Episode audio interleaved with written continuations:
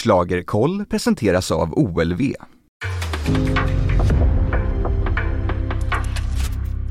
En podcast från Aftonbladet.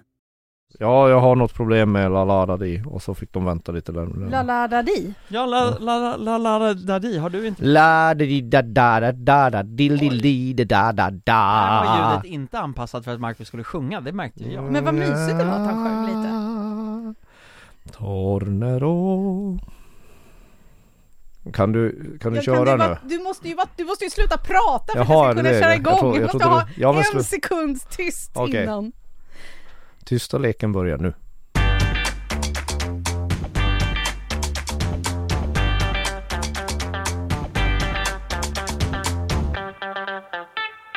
Hej, varmt välkommen till Schlagerkoll. Jag heter Jenny Ågren och jag har med mig som vanligt. Tobbe Ek! Marcus Larsson. Mår ni bra? Ja, Ja. Ni kommer faktiskt direkt från Friends. Ja.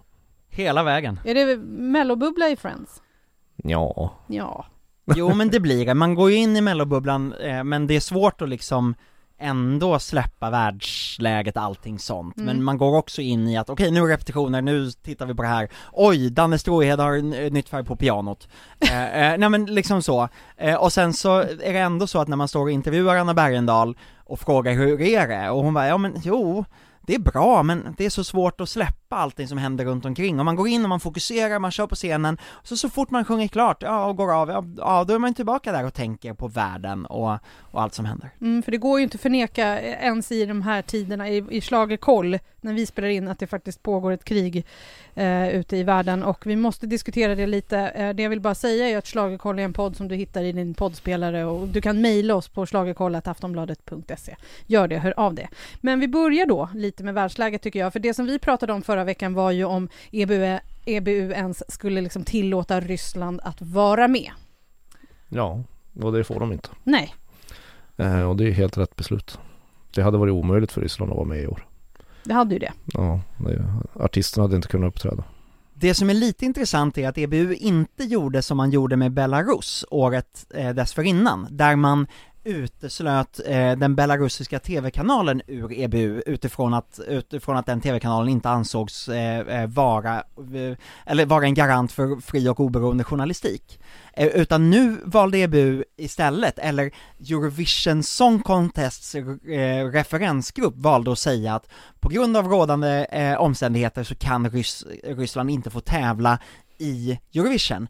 Och då valde två stycken ryska tv-kanaler och en rysk eh, radiokanal som alla har varit medlemmar i EBU att eh, i protest gå ur EBU för att de inte ansåg att det här var, var schysst och eh, fint hanterat. Mm. Sen var det så att Ukraina skulle, de hade ett bidrag som blev lite diskat, var det så Tobbe, kan man säga diskat? Ja, eh, hon blev diskad för att hon hade eh, varit i Krim och tagit sig in i Krim via Ryssland antagligen, för en massa år sedan och spelat, och det får man inte göra enligt ukrainska, ukrainsk lag. Nej, men nu så är ju då Ukrainas runner-up eh, med istället och eh, ska vara med. Det är ändå, det känns, och de är redan liksom oddsade till att vinna hela Eurovision. Ja men alltså det är självklart. De kommer ju få extremt många sympatiröster av, av rent logiska skäl. Ja, de kan absolut vinna telefonrösterna, men här finns ju en jury som inte eh, ska rösta på samma sätt. Eh, det är gruppen Kalush Orchestra med låten Stefania som, eh, som kommer att få åka till eh, Turin. Om de kan ta sig dit. Ja, och, det, och sen är det så här, det här är lite dåligt av mig som någon form av programledare för Schla- Schlagerkoll, men jag har inte hunnit höra den. Nej, det är, det är inte så att jag eh, föll av stolen. Vinnarlåten var den bästa låten i, i Ukraina och nu fick de skicka tvåan och det var, nej, nej, sådär. Sen Men- tycker jag inte Ryssland ska få med så länge Putin styr landet. Nej, men det blir ju inte... ESC. Nej, För att men... det kommer vara omöjligt i flera år framöver att de, ens, att de ryska artisterna ens kommer få en rättvis chans i telefonomröstningen och framförallt på plats i, för den Eurovision-publiken som står framför scenen. Alltså, det har varit ganska skarpa protester mot Ryssland tidigare under 10-talet. Och det kommer inte bli mindre nu. Alltså det, jag, jag, jag, tror det är landets eh, situation i ESC är, kommer vara omöjlig i många, många år framöver. Det blir intressant att se hur det blir för Ryssland i, i alla typer av sammanhang. Jag menar, de är sport, eh, sportade, de är portade även från otroligt mycket sportevenemang nu också. Så att det blir intressant att se hur följa och hur lång tid det tar för dem att komma tillbaka. Mm. Och jag tycker det du säger ändå Marcus, det är intressant, för att det är just det som är också en anledning till att Ryssland inte bör vara med i Eurovision. Det är för att deras artister inte kan få en rätt, eh, rättvis bedömning. De kommer hela tiden ställas till svars för Mm. vad landet gör. Och det har de ju gjort. Vi, har ju, vi såg ju de, de, de ryska Tomasheva-tvillingarna va, Tolmasheva, eh, 2006, eh, 2017 Nej vad är det, 2014 i, i Köpenhamn som blev utbuade så att de grät.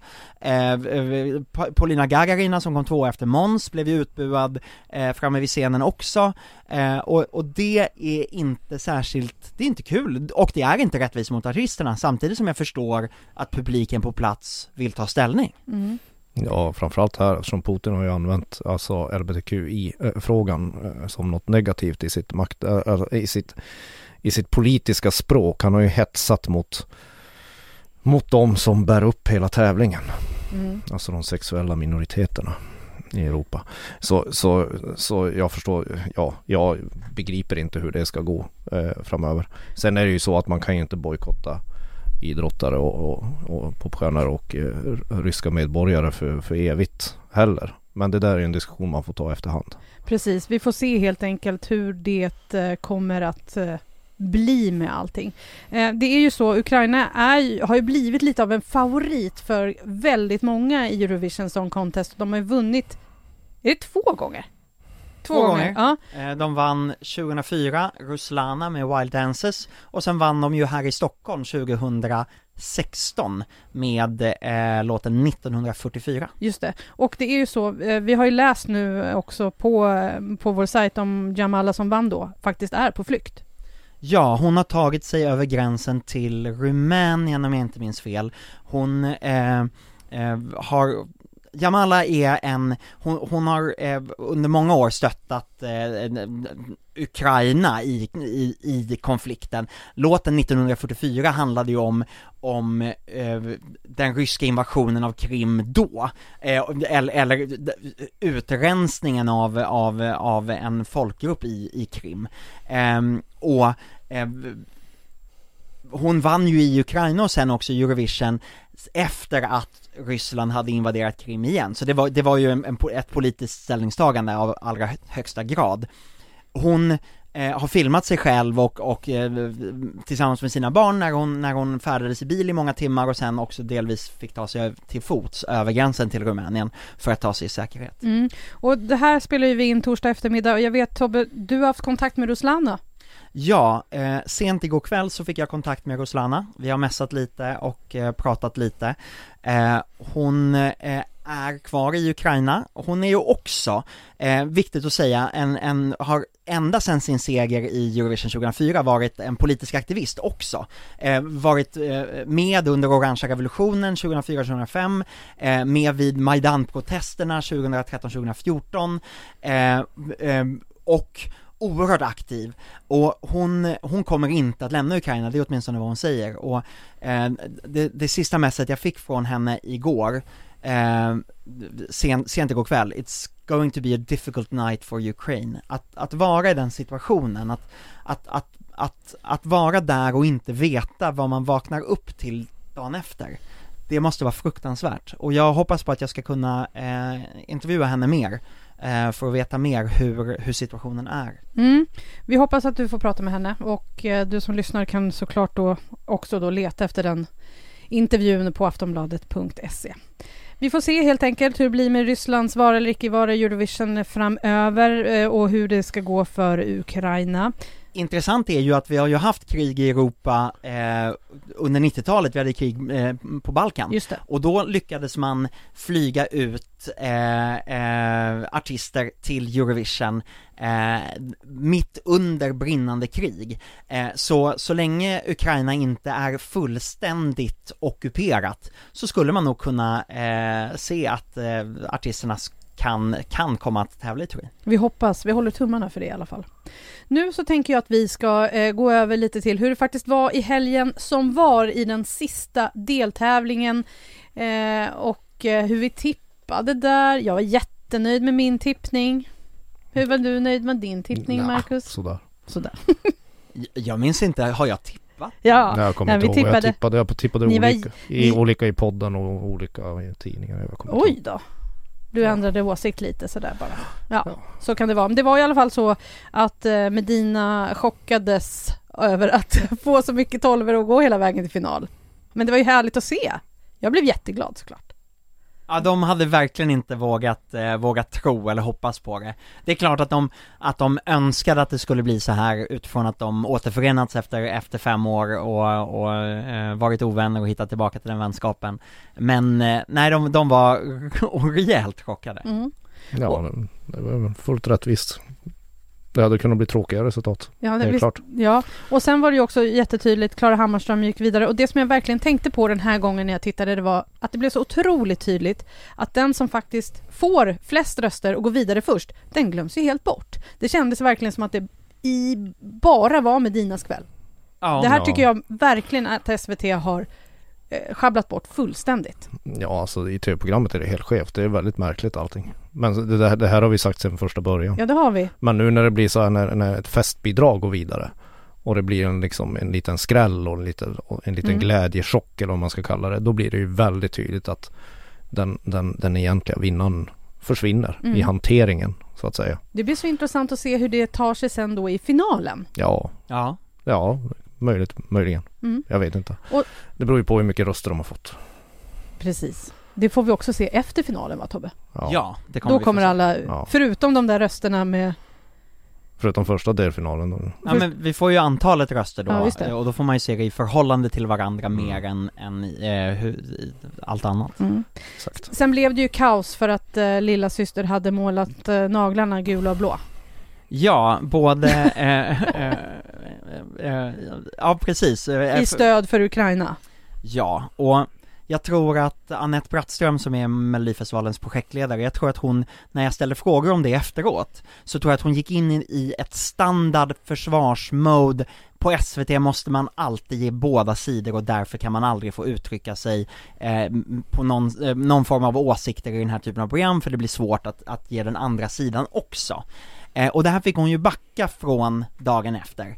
Eh, eh, när, när hon, eh, ja, men när hon gjorde en, en hel pudel och, och sa att det, eh, det finns inte två sidor i kriget, invasionen av, av Ukraina. Nej det är klart det Nej. inte Nej, gör och det är ju inte så att om hela, om, om hela, om hela programmet vinklas ju en, en så kallad kall öppning med Oscar och Farah eh, eh, som tar ställning för Ukraina och, he, och hela Ja, telefonröstningens precis. intäckningen går till Ukraina då blir det ju väldigt konstigt att någon målar naglarna i Ukrainas fär- färger och ska få skit för det så det där var ju bara en det var bara en tillfällig groda. Mm. Och jag blev faktiskt så ställd för att jag kom in i den intervjun med tanken att, ja men nu, nu kommer, nu kommer hon kunna bara få säga att, nej men det här är inget problem. Man måste, man måste kunna visa sitt stöd utan att, att det blir en politisk fråga. Och sen så Ja. tog det den andra vändningen.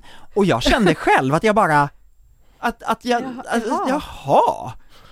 Jag, jag, ja, men jag, Ja. blev, jag, blev, jag blev så förvirrad, eh, eh, och, och, ja, och, och det visar sig ju, jag vet att tittarna blev rasande Såklart. över det Ja, här. det. Eh, det, var, det var ett feltänk i det läget och det var väl bra att hon, att hon förtydligade sig ganska snabbt dagen efter. Mm. Mm, mm. Eh, Marcus, hur eh, lät det från norr? Vad sa mamma och pappa? Ja, vad sa de? Ehm, ja, farsan hälsade att det här var inte så mycket att ha. Var det så? Ja. Nej, man, det är inte, de, Jaha. deras favoriter finns inte här i Nej, det här. de, de har redan sin Ja, de, favorit. de, ja, han sa någonting om att ja men Klara var väl, var väl okej. Mm. liksom. Och Tobbe står eh, febrilt och letar eh, från sms från mamma nu tror jag. Ja. Vad skrev hon? Eh, ja men jag var tvungen att bara fräscha upp mitt minne. Nej men hon, hon var inte alls förtjust i Klara. Hon eh, gav tummen upp till Medina och lilla syster. Eh, och så ett nja på Anna Bergendahl, och så hade hon gärna sett tenor till andra chansen. Eh, Ja, det tyckte mina föräldrar också. Ja. Tenoret i andra chansen. Men mina föräldrar hejade på Klara och Anna. Okej. Mm. Men, och Nej, i, min, mam, min mamma ville ha Medina och lillasyster Ja. helt enkelt. ja, det, ville, det ville mina barn och syskonbarn och familjen i Örebro. De ville att Medina skulle gå hela vägen. Så det var kul att det vart så. Ja, Ja. det är inget fel på något av bidragen vi nämner. Hörni, vi tar en kort paus. Vi är snart tillbaka. I över 50 år har OLV funnits med i stunderna. De mysiga, de nödvändiga, de förväntansfulla. Ungefär 400 000 påsar lämnar fabriken i Filipstad varje dag och nu under musikfesten säljs det drygt tre påsar OLV Snacks i sekunden runt om i landet. Har du laddat upp för lördag? OLV har de perfekta chipsen för en lyckad helkväll.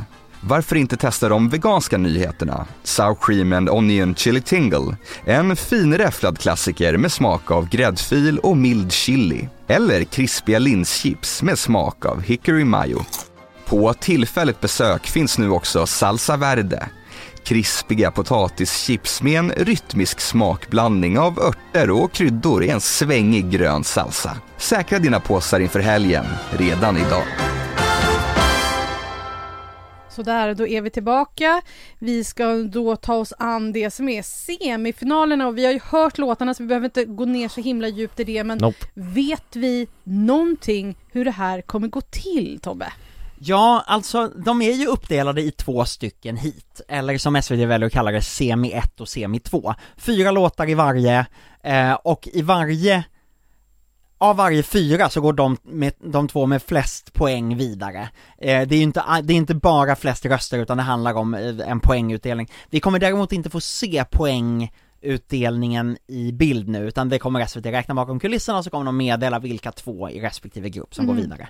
Eh, och sen så i andra chansen så är det ju också det här Hall of Fame som instiftades för några år sedan. Så det kommer liksom vara, ja men, eh, li, ja, men eh, li, lite prisutdelning till, till gamla artister, vi kommer säkert få lite härliga medley. Alltså Jenny, när du hade, när du såg Björn Skifs och Thomas Ledin köra sitt medley ihop för några år sedan. Okej, då vart det- jag glad. Ja exakt, så sluta snacka nu. Jag Inget snacka. dumsnack. Nej, men Men, vi kommer, inte få, vi Ja, kommer inte få poängutdelning och sånt i bild nu, utan vi kommer få veta vilka som går vidare. Ja, men nu har ju alla fått det redan så jag undrar vilka som är kvar. Alltså alla är ju med i Hall of Fame. Ja, Har Dina, glömt dina någon? krukväxter är med i Hall of Fame. nej. Har de glömt någon? Jo. Det är, eh, nej men det som Att är... ni två men borde också fan- komma in i Hall of Fame eftersom det var väl Ja. hundrade tävlingen för er på lördag. Nu på lördag blir det 100 det. Ja, Ja, ja vi det, borde skulle, komma det skulle vara någonting. Ja, det är väl bara vi kvar snart. De har, alla andra är ju där. Jag, inte vet jag vilka som är med i Hall of Fame. Ja men, jo, tänk en gammaldags telefonkatalog. Så många är med i Hall of Fame. grundregeln är att du kan inte väljas in i Hall of Fame förrän efter 10 år. Så att det går inte att välja in Mhm. någonting som tävlade förra året eller så. Eh, Men så vi började ju tävla redan 2006 så vi Du och jag ja, vi kan bli invalda Vi kan bli och vi invalda i borde bli invalda. Ja, absolut. Tobbe, kommer man veta, alltså så här, är det först semifinal 1 och så får man veta all vilka som går vidare och sen går man vidare till semifinal Ja, 2 det- eller kommer alla resultat samtidigt? Jag tror att de kommer köra alla resultat samtidigt, men det är en spekulation från min sida. Så Vi har de ju vet gjort inte. med Andra chansen tidigare. Okej. Alltså vi vet ju inte hur programmet Nej, ska vi vet inget. Låter lite kanske lite konstigt att vi som vet ganska mycket om schlagervärlden inte vet hur det går till, men det får vi skylla SVT på helt enkelt. Ja, vi kanske inte har frågat tillräckligt. Nej okej, men det vi vet i alla fall i första semifinalen är det Tone Sekelius, Alvaro Estrella, Danne Stråhed och Anna Bergendahl. Och de uppträder väl just i den ordningen? Ja. det Ja. antar jag för det här har jag kopierat från SVT. ja, har du kopierat det från... Mellopedia i alla fall. Okej, ja men Ja. Då, då är det rätt. Ja, Och- ja och- så Hade är du det. kopierat det från någon av mina och Marcus artiklar, då hade det också varit korrekt. Ah, Okej, såklart det hade varit. Det Men, riktiga Melopedia. mm, så och det- sen i semifinal två då så är det Theos, Lisa Miskovsky, Lilla syster och Cassiopeia. Ja, så ser det Marcus, ut. vilka går vidare då? Från semifinal 1?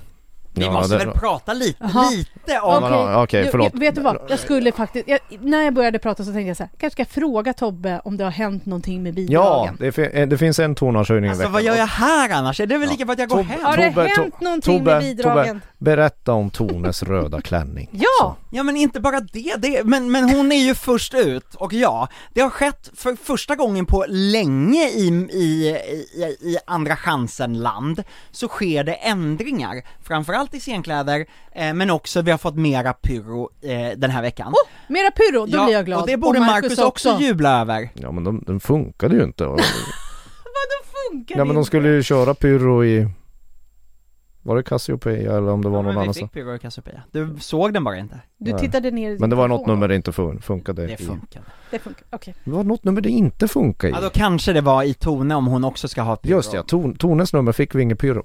Nej men vet vi att vi, Okej, jag, jag är så trött så det är lika bra att jag går hem. Men ja, vi har fått klädbyte i Tone Sekelius nummer. Hon, istället för den här svarta, eh, tunga sa- sammetsdraperiet hon hade på sig, så har hon en röd glansig eh, aftonklänning som mycket mera blir ett wow när eh, trenchcoaten slits av. Mm. Ja. Eh, det är bra, och så får vi se om det blir pyro där eller inte. Mm. Eh, Jag vill bara säga, från svart till färgen röd, oj oj oj. Ah, i de här... Alltså man, man, man, man ramlar av stolen. Jag alltså, är helt schlagerchockad. Lisa Miskovsky har också bytt scenkläder. Eh, hon Ja. har en glitterklänning på sig nu och eh, vi fick, dansarna hade liksom bara mjukiskläder på sig så jag gissar att även dansarna kommer få nya kläder. Ja. Eh, Mjukiskläder låter så jävla gulligt. ja men, ni vet. Ja. Eh, och sen så har även Cassiopeia bytt, eh, bytt del av sin scenkläder, eh, sin klädsel, det är eh, skarpare färger, mer regnbågsfärgat eh, och där har hon också klämt in pyro, så att det blir lite, lite bollar som flyger, eh, flyger i luften precis i slutet. Eh, Theos har klämt in pyro, Oj. två, vid två tillfällen. Det är verkligen ett nummer man tänker, här ska man ta pu- pyro. Jo! Ja. Men det, det kommer ju, först kommer en så här fzz, och man bara jaha var det bara det där? Verkar, var det det som kanske inte funkar då? Nej, nej, nej, nej, för sen, eh, precis när man sitter där och tänker jaha, blev det inte mer? Så precis i slutet så kommer en sån ett, ett Explosion. sån, en sån explosion med pyro, så att, så att vi som satt i arenan, Marcus satt uppe i pressrummet, men vi som satt inne i arenan, vi hoppade till eh, och blev så rädda, så att vi sen började gapskratta, du vet bara för att man var så här, man skrattar åt sig själv hur rädd man har blivit. Eh, och sen har Danne Men Stråhed förlåt, toppade det eh, Tenoris eldregn? Nej, nej, nej, nej, det gjorde det inte. Men, men det blev ändå, ändå en, det blev ett wow. Och sen så har Danne Stråhed eh, kört in ett nytt piano som är lite färgglatt. Han eh, var tvungen att nöja sig med ett svart piano sist, och det tyckte inte han var så kul. Nej. Så nu har han fått lite färg. Jo, Och så men- hade han bytt scarf också. Gör det att han tar sig till final? Det kan inte jag svara på, Marcus Larsson. Ja, från första deltävlingen så går väl, vilka var det som var där? Tone går vidare. Och eh, Anna Bergendahl. Från den andra så, så, så, eh, vad fan är det där? Theos? Lil- Lisa Nej Miskovsky? men då är det Lisa Miskovsky och sen är det lilla syster eller Cassiopeia. Eller? Inte Theos. Nej, Nej, men han har ju pyro nu. men Ja, jag har ju tippat sämst av alla i den här så ni ska inte lyssna på mig. det som är intressant i den första, det, första hitet, det är ju att Alvaro kom ju trea medans Tone kom fyra. Eh, I samma deltävling. Ja, ja, jo. Just det. Eh, och, och där är ju då frågan, är det, jag, jag lutar nog åt att Marcus kan ha rätt, men jag tänker också att både Tone och Alvaro kan ta sig vidare och Anna kanske hamnar utanför, Mm. inte Så kan det också bli. Så, Så, så har jag tänkt i min hjärna, faktiskt. Att, eh, ja, Alvaro och Tone Mm. Mm. till final. Eh, Och sen har vi möjligt. tvåan då. Semifinal två, Theos, Lisa Miskovsky, lilla syster Cassiopeia. Vad säger Men lilla syster och Ja. Lisa. Och Tobbe, vad säger du då? ja men jag säger att lilla syster tar det, Mm. Ehm, och sen tror jag Cassiopeia Fast det kanske blir lilla syster eller så kanske det blir Theos Svårt. ja, men det, är lite, det är faktiskt lite svårt. Jag, Jag tycker det också är svårt men För jag tänker att li, eh, lilla syster går vidare och Theos, men eh, som sagt, vi får väl se. Jag var med i en engelskspråkig podcast i början av veckan Hey! Och då fick jag frågan, eh, finns det någon, eh, liksom, eh, eh, hur viktigt är det här? Finns det någon här som kan vinna? Och då svarade jag no eh, och, eh, och, Nej, och, och sen så, Nej. ingen absolut. vinnare här. Det är absolut ingen som kan vinna från de här åtta. Det, Nej. det kan vi väl ändå slå fast. Men det som kan hända är ju att vi kan få en mera fartfylld och härlig final, för Ja. det, har, ju- det har ju varit lite brist på den typen av låtar i finalen Så därför behöver vi lilla syster eh, Tone Sekelius och Alvaro Estrella minst. Cassiopeia, eh, eh, Theos, eh, Danne Stråhed Ja men nu har vi gått igenom alla. Okej, nu har vi gått Alla igenom har alla. chans att gå vidare. Ja, Lisa Ja, Okej, man, alla går vidare. man får, eh, vi får se helt enkelt på lördag halv tio, då vet vi. Då vet vi också hur hela startfältet kommer se ut sen. Ja. Spännande! Men det tar vi nästa vecka. Mm. Vi ska ta oss eh, igenom lite lyssnarfrågor. Som sagt, vi blir väldigt glada när ni eh, hör av er och mejlar till schlagerkollataftonbladet.se. Nu ska vi se, det kommer en ganska lång fråga här om röstningen och vi eh, får se om vi kan reda ut det här. Hej Schlagerkoll! Jag vill börja med att tacka för en toppenbra podd. Under Melodifestivalens gång har SVT inte minst i år fått kritik för hanteringen av folkets röster. Detta har väckt funderingar hos mig och mina bekanta som tittar på Melodifestivalen år ut och år in. Detta med 12-poängarna som tilldelas bidragen är ett spännande tillägg, men hur kan det bli samma poäng för alla tittargrupper? Mina tankar går såklart till matematiken, för visst är det så att det omöjligt kan vara samma antal personer i alla åldersgrupper? Om det är totalt 12, alltså ni vet, jag hoppas att det är någon som kan matten här nu. Och, och vet du vad, vi, vi, vi, vi, behöver, inte, pausar. vi behöver inte ha frågan eh, ställd mer än så. Nej. SVT gjorde om systemet till att vikta... Och vi säger häl- vänliga hälsningar från Ellen. Ja, Ja.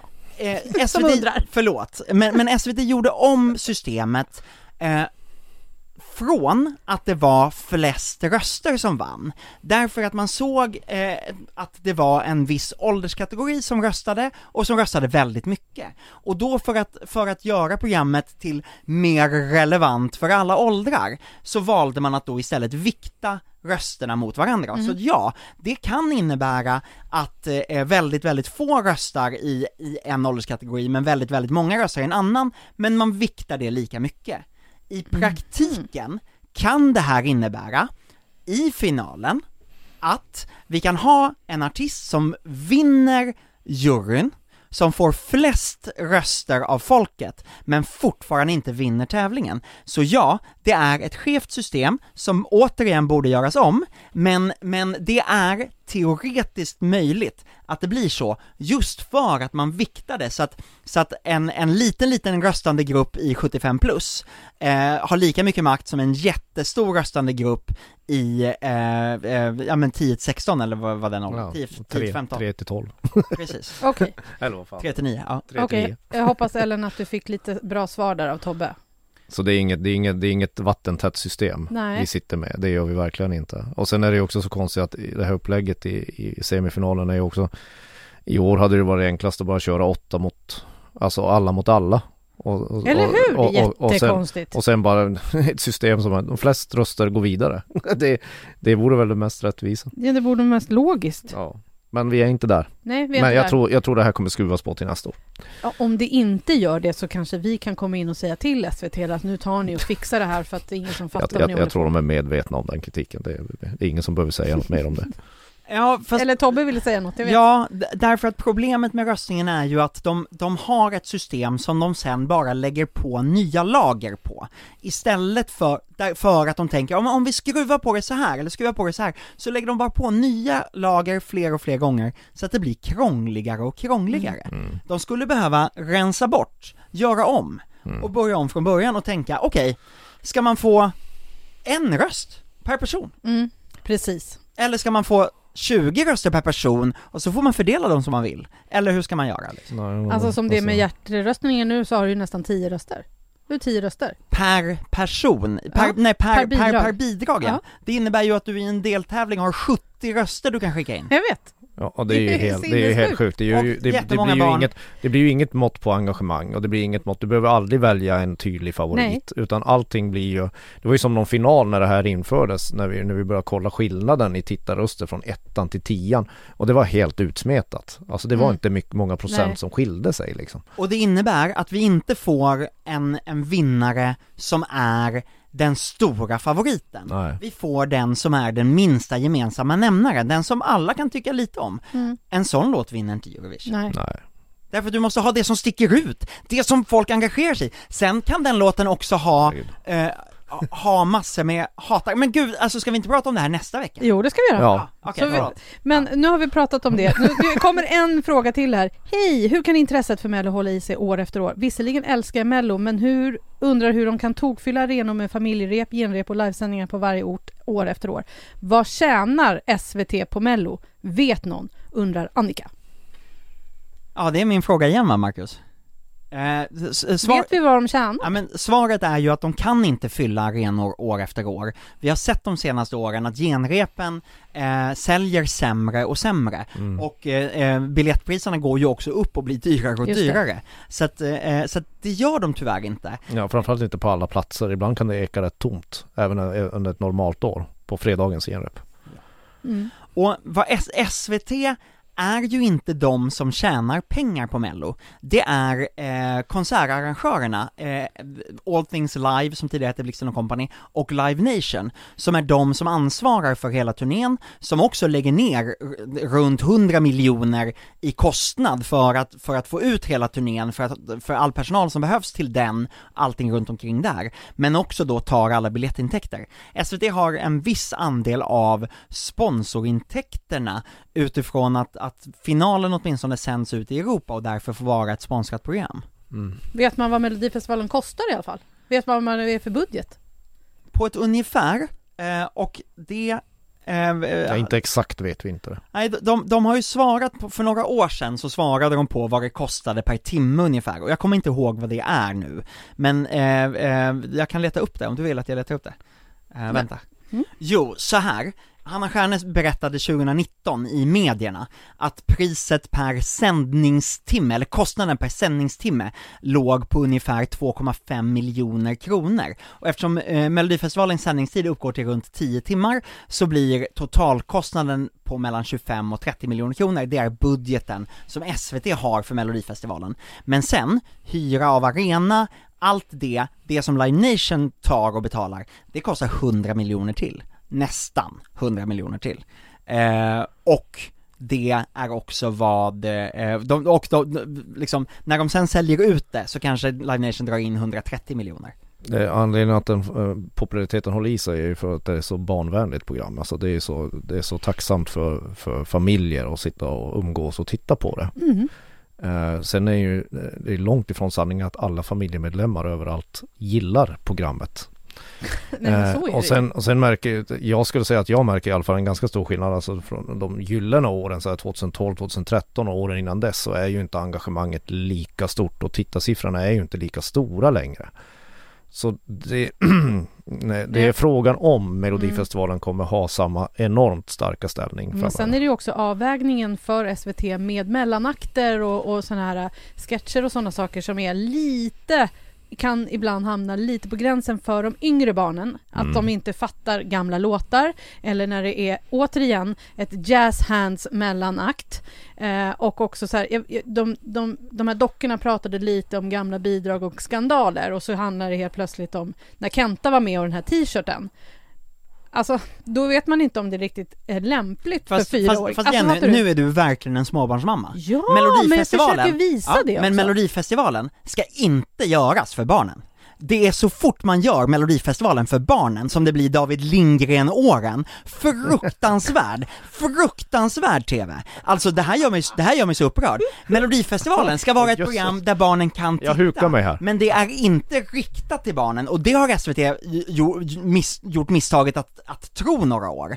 Eh, så att om dina barn inte fattar de skämten, eller kan, du inte tycker att det är lämpligt för dem, då är det din, ditt jobb att sätta, sätta handen för deras ögon. Men de har samtidigt också åldersgruppen 3 till 9 som ska rösta. Alltså Absolut, så här, men de har men också alltså- åldersgruppen 75 plus.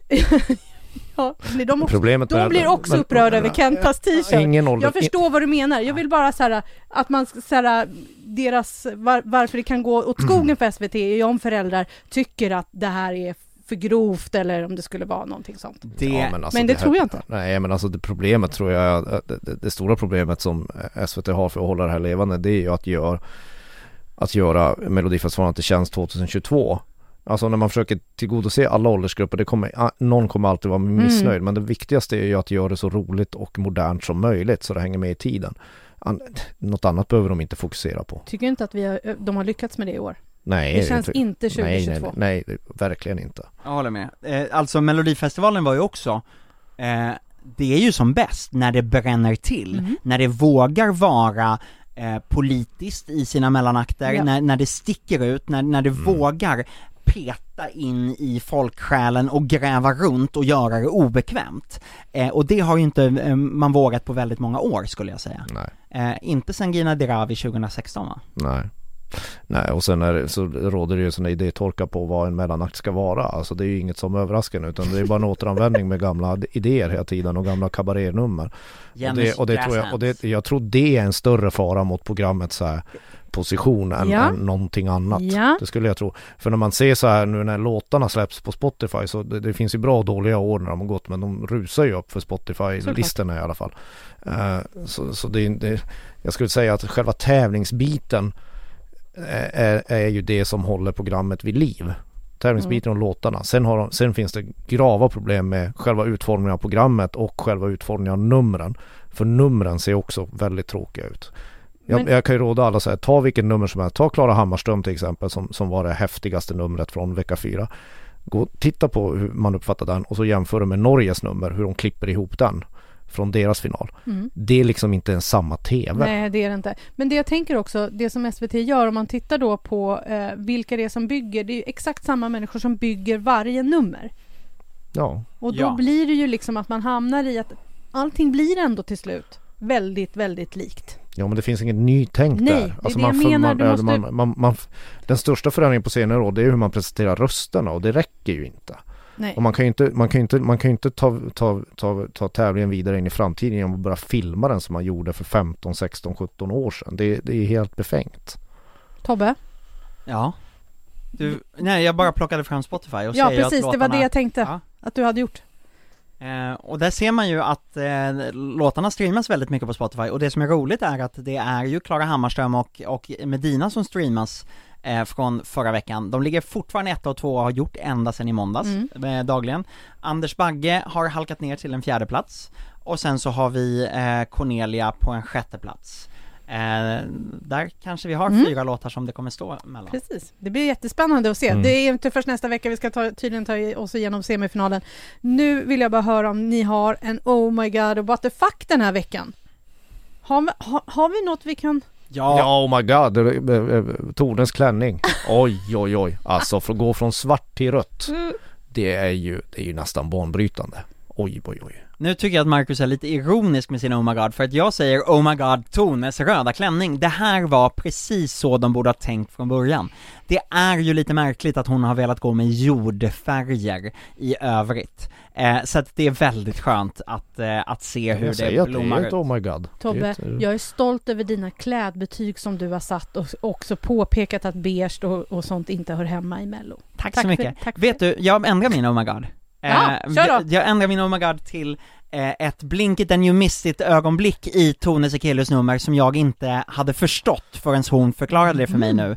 Eh, I direkt efter första refrängen när, när hon sjunger om eh, have, have you, eh, menar, har, har du någonsin var, varit rädd för att visa dina sanna färger, your true colors, då blinkar ljuset till och hon blir blå och rosa och det är transflaggan. Wow. Blått, vitt och rosa. Det var så redan i deltävlingen, eh, och det är en blinkning. Den som fattar det, fattar det. Wow! Eh, och jag tycker att det är så jäkla coolt för att folk har sett det och eh, lagt märke till det. Jag säger också Oh my god, Tone Sekelius.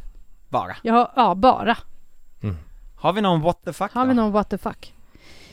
What the fuck What the- Theos, kunde vi inte fått lite mer pyro? What Jag the tänkte fuck, ju säga, vad fan ska pyro med det? Det är som, det är sätta, med mer pyro. sätta en stor jävla nyårsbomb i en muffins. Alltså vad spel, vad, det gör väl varken från eller till. Jo, det blir en stor explosion, ännu större. Jag vill ha mer pyro. Jag vill ha det i lilla syster också. Men, oh, herregud. Men ja, Kanske i Lisa som- Miskovskis nummer också. Jag vill ha pyro höjer alla nummer. Ja, ja, ja. Jag säger what the fuck SVT, kom igen nu med era mellanakter. Step up, ja, ja. säger vi. Ja. Nu, Nu va? kommer de knappt ha tid med det i det här programmet. Men visst, vi hoppas på det Men bästa. någonting måste de Jo, göra. det är nej, men det Hall kommer- of Fame. De Ja. kommer välja in 100 namn till till Hall of Fame. Ja. Lite så. Okej. Snart är, vad heter hon, Rasporka tjejen i Hall of Fame liksom. Det är väl det enda som är kvar. Vad heter hon? Åh, eh, The Nicole! Det är Nicole väntar på att få sitt Hall of Fame. worka. Åh, det är en favoritlåt. Ja, Mysigt. ja. Eh, Schlagerkoll är slut för idag. Tobbe Ek, Markus Larsson, Jenny Ågren säger tack och godnatt höll jag på att säga, men tack och hej. Hej Hej. då!